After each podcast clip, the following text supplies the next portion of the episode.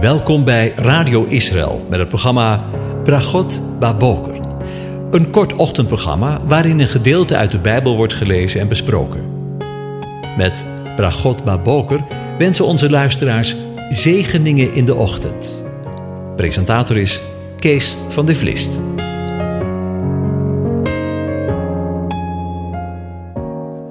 Goedemorgen, beste luisteraars. Op deze voor dit programma ongebruikelijke zaterdag. Maar het is vandaag Rosh Hashanah, het Joodse nieuwjaar. En ik mag je volgens Joods gebruik Shana Tova toewensen. Dat betekent een zoet en een goed nieuwjaar. Deze en de komende dagen willen we nadenken over de bijzondere dagen die er aan zitten te komen. Dat zijn Rosh Hashanah, dat is vandaag en morgen. En de komende dagen zijn het de dagen waarin we nadenken over de tien ontzagwekkende dagen, zoals die in het Jodendom herdacht worden, elk jaar weer opnieuw. En wat er een bijzondere plek deze hebben in de Bijbel. En wat dat voor ons als christenen van 2020 betekent. Ik hoop dat je deze serie kunt waarderen. Mocht je eventueel vragen hebben, stuur ze gerust in naar info.radioisrael.nl en dan hopen we de aandacht aan te besteden. Soms zal het een wat langere uitzending zijn en soms een wat kortere uitzending.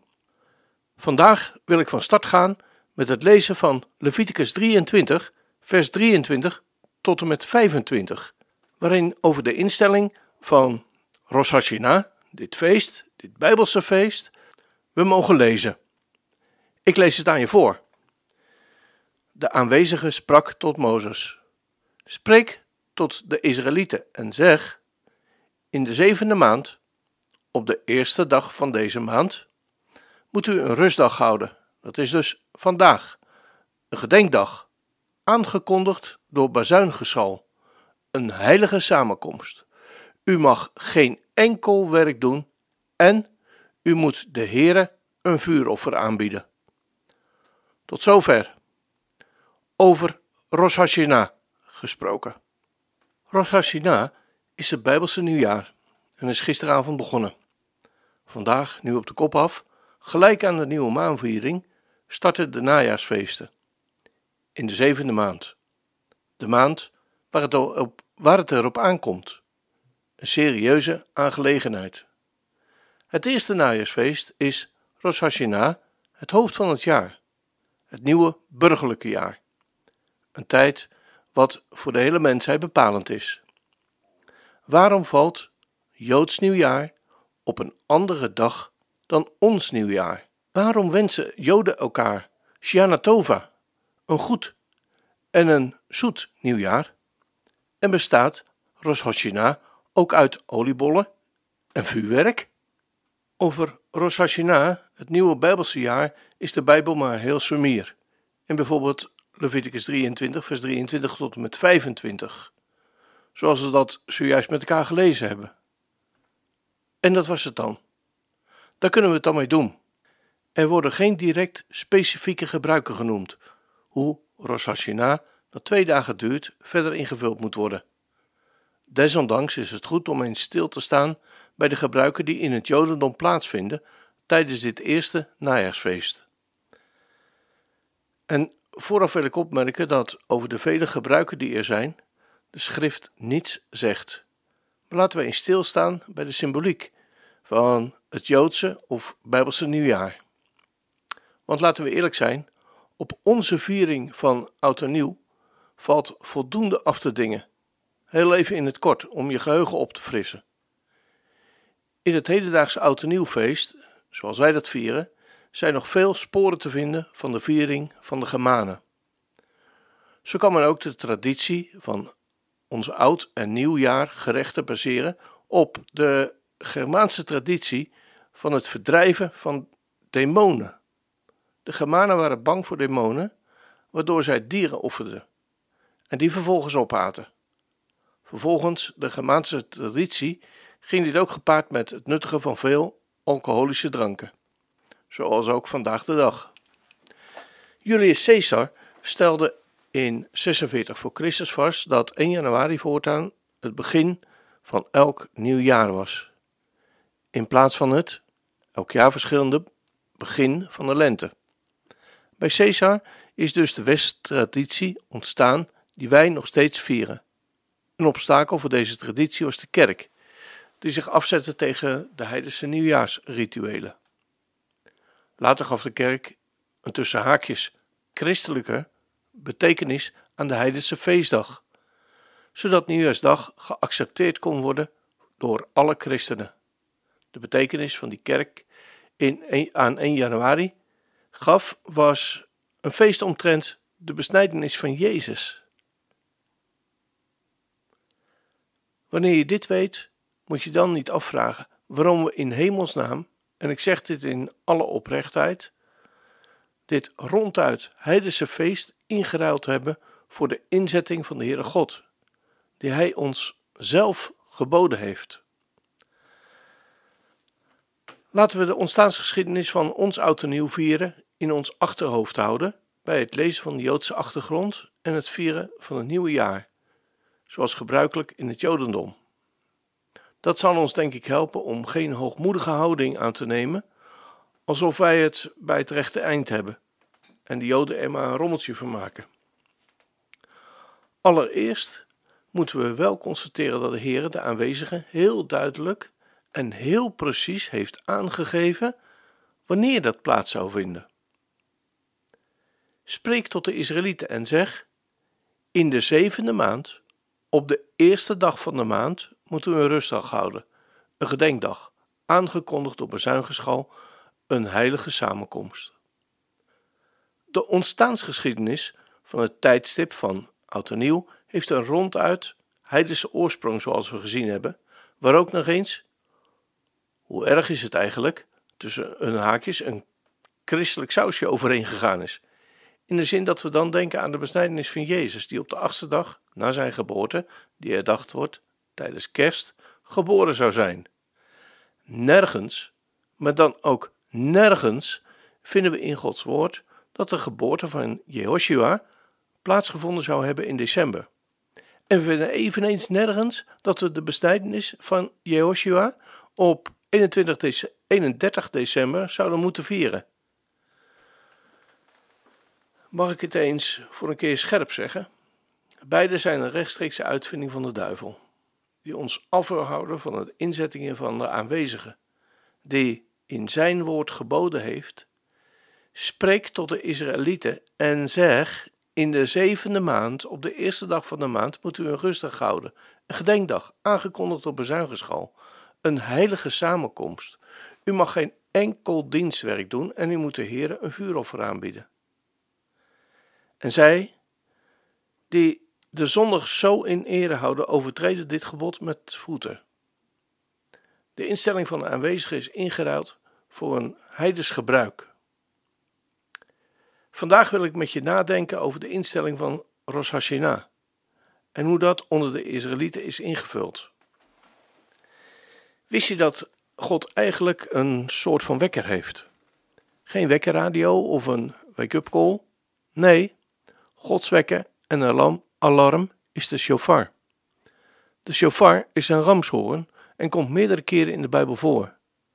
Hij heeft een belangrijke rol binnen één bepaald Bijbels feest en dat is Rosh Hashanah. Rosh Hashanah wordt in de Bijbel in Leviticus 23 als Yom Teruah, de dag van de bezuinigschal beschreven en is het feest voor, de, voor het Joods of bij, veel beter gezegd, Bijbelse nieuwjaar. Rosh Hashanah wordt gevierd op de eerste en op de tweede dag van de Joodse maand Tisri. De rabbijnen leren dat Rosh Hashanah de geboortedag van het universum is en dat het de dag is waarop Adam en Eva zouden zijn geschapen. Op deze dag zul je zeker de shofar niet missen en wordt er lekker gegeten. Is er veel vreugde en worden er appels in de honing gedoopt. Men wenst elkaar dan ook een zoet nieuw jaar. Goed onthouden hoor. Shana Tova. Deze vreugde heeft ook een keerzijde, want al is de honing nog zo zoet, het wordt gemaakt door stekende bijen. Zo roept Rosh Hashanah op om tot één keer te komen en om steken om te zetten in zoete honing. Een van de belangrijkste geestelijke processen binnen het Jodendom die bij Rosh Hashanah van start gaan, is het doen van teshua, inkeer, bekering. Zelfonderzoek en bekering vormen voor het Jodendom geen moeilijk, grijpbaar geestelijk proces, want het gaat vaak om hele concrete dingen. Om hier uiting aan te geven, zullen Joden op Rosh Hashanah uit de Torah lezen en zich hullen in gebed. In dat gebed vragen zij God of Hij hun zonde wil vergeven. Met het vers: U zult de zonde in de diepte van de zee werpen, in het hart, worden broodkruimels als symbool voor de zonde in de zee geworpen. Rosh is in dit alles pas het startschot van een langere periode van schuldbelijdenis in één keer. Deze dag leidt uiteindelijk naar de meest heilige dag op Gods kalender, de grote verzoendag, Yom Kippur, de dag waarop de hemelse rechtbank zich uiteindelijk zal sluiten. Maar wat voor rol heeft de shofar dan in deze periode? De shofar roept ons op om alles in het werk te stellen om de schade te herstellen die hij als mens heeft aangericht, jij en ik ook. Het woord shofar heeft dezelfde wortel als het Hebreeuwse woord voor verbeteren. Het is een oproep om de koning te dienen in een rechtvaardig leven. Het is dan ook geen toeval dat koning David, ondanks zijn zonde, als rechtvaardig werd gezien en met een hoorn is gezalfd. Daarentegen is koning Saul met een kruik van een levenloos materiaal gezalfd. Toch is deze zalving met de hoorn pas mogelijk op het moment dat het dier stierf. Zo dient de Yetzer Hara, de slechte, de zondige natuur van de mens, eerst te sterven om in het boek van het leven ingeschreven te worden. Als de shofar klinkt, dan is dat voor de Joden een oproep om hun hart om te ploegen en om zich te ontdoen van alle rotte vruchten. Dit snoeien, plukken en verbranden maakt dat zij tot rijpe volwassenheid kunnen komen. De zegeningen zichtbaar worden en de winst geteld kan worden. Daarnaast geloven de Israëlieten ook dat de uiteindelijke verlossing en het herstel gepaard gaan met de blazen van de shofar bij de komst van de Messias. Onder bezuinigenschal zal hij zijn uitverkorenen bijeenroepen en lezen we in Matthäus 24 vers 31 en volgend. Als iemand dan tegen u zegt, zie hier is de Christus of daar, geloof het niet, want er zullen vele valse Christussen en valse profeten opstaan en ze zullen grote tekenen en wonderen doen, zodat zij, als het mogelijk zou zijn, ook de uitverkorenen zouden misleiden. Zie, ik heb het je van tevoren gezegd. Als men dan tegen u zeggen zal, zie, hij is in een woestijn, ga er niet op uit. Zie, hij is in de binnenkamers, geloof het niet. Want zoals de bliksem vanuit het oosten komt en zichtbaar is tot in het westen, zo zal ook de komst van de zoon des mensen zijn. Want waar het dode lichaam is, daar zullen de gieren zich verzamelen. Meteen na de grote verdrukking, of na de verdrukking van die dagen, zal de zon verduisterd worden en de maan zal zijn schijnsel niet geven. En de sterren zullen van de hemel vallen en de kracht van de hemelen zullen heftig bewogen worden. Dan zal aan de hemel het teken van de zoon des mensen verschijnen.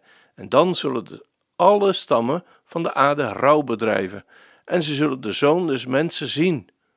Als hij op de wolken van de hemel komt met grote kracht en heerlijkheid. En let op. En hij zal zijn engelen uitzenden onder luid bazuingeschal.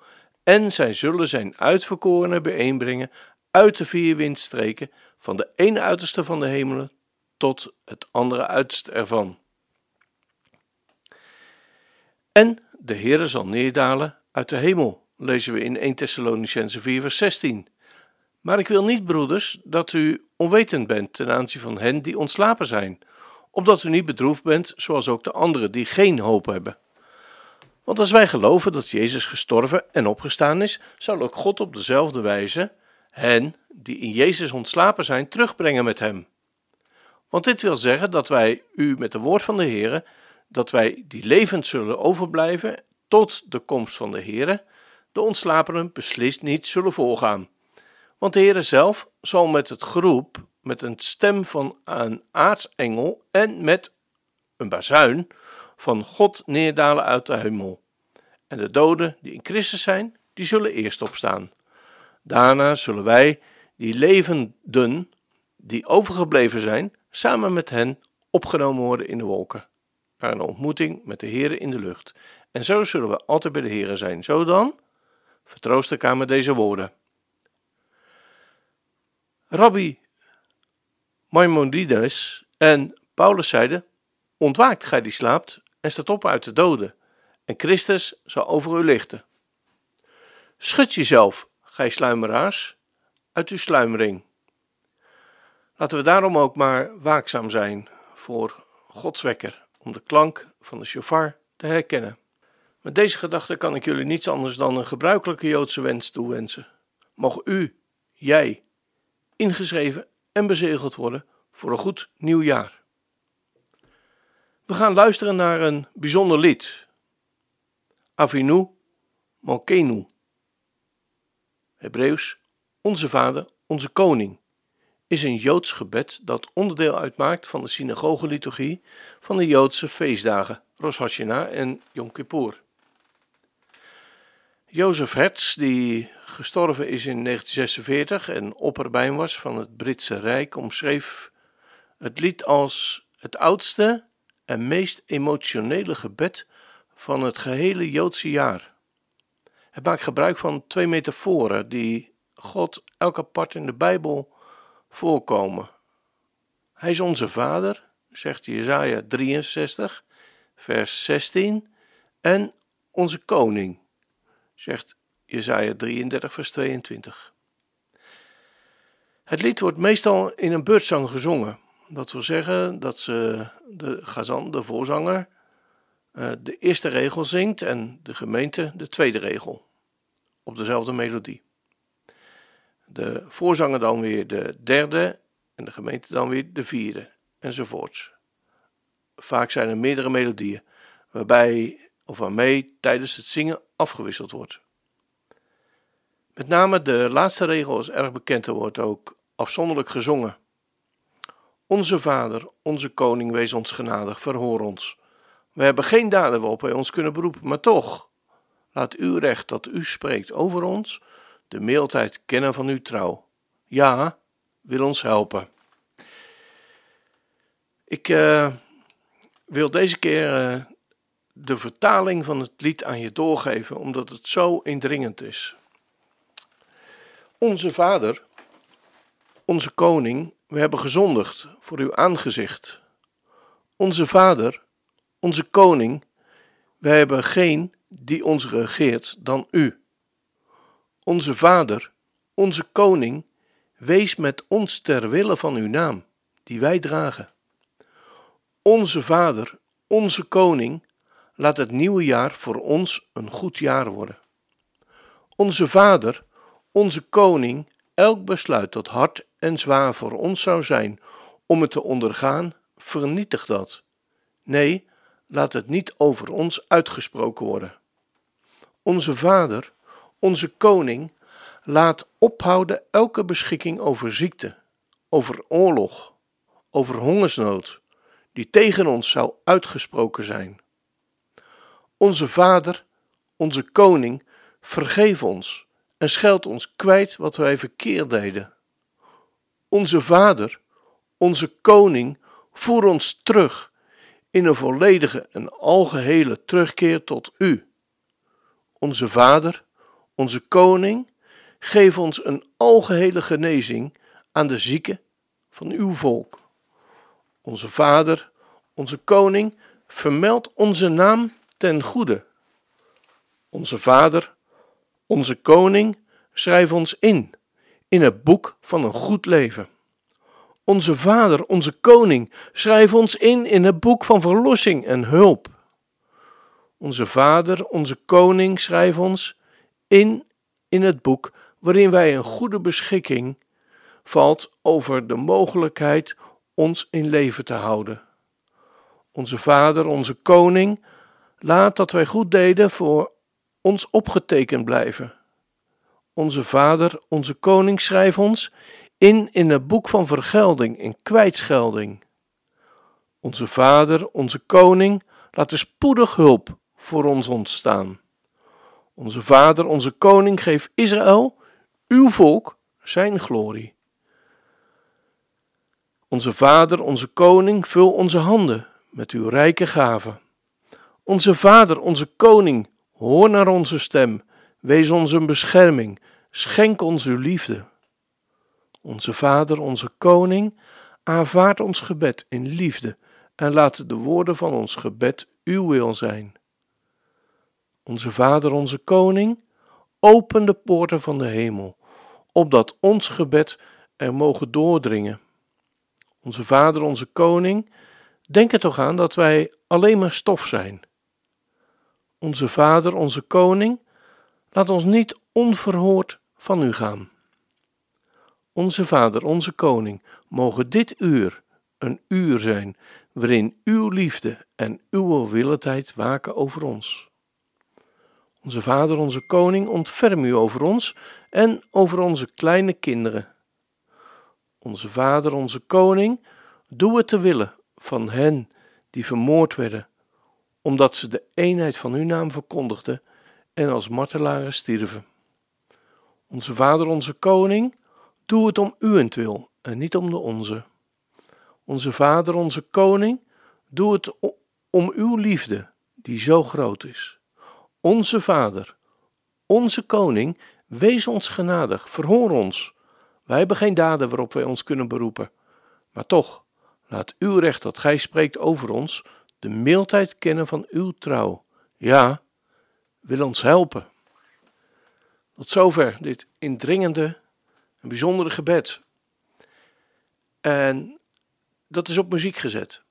En we gaan luisteren naar een uitvoering door Barbara Streisand.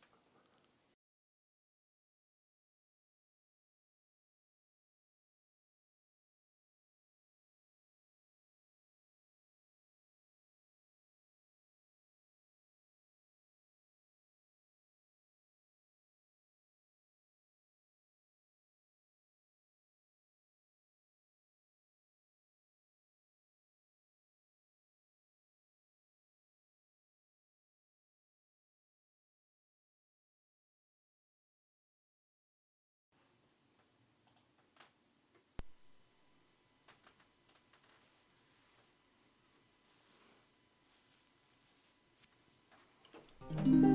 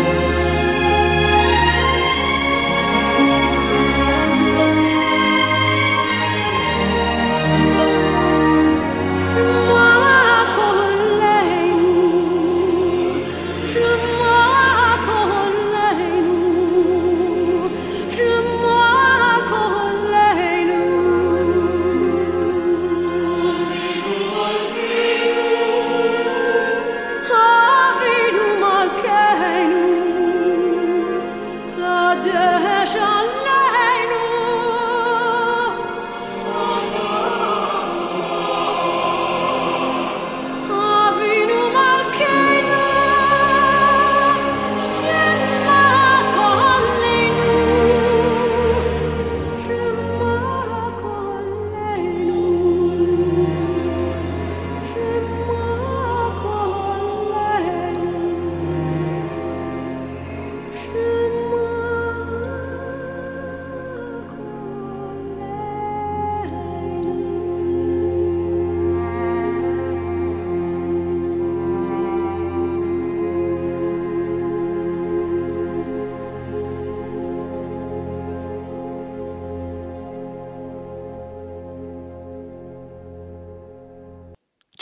Een prachtig lied met een enorme rijke inhoud, een diepe inhoud ook.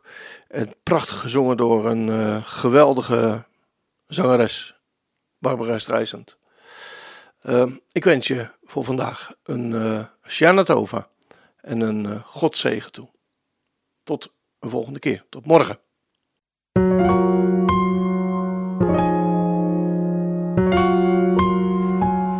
U hebt geluisterd naar het programma Bragot Baboker. Een kort ochtendprogramma waarin een gedeelte uit de Bijbel wordt gelezen en besproken. Wilt u het programma nog eens naluisteren, dan kan dat.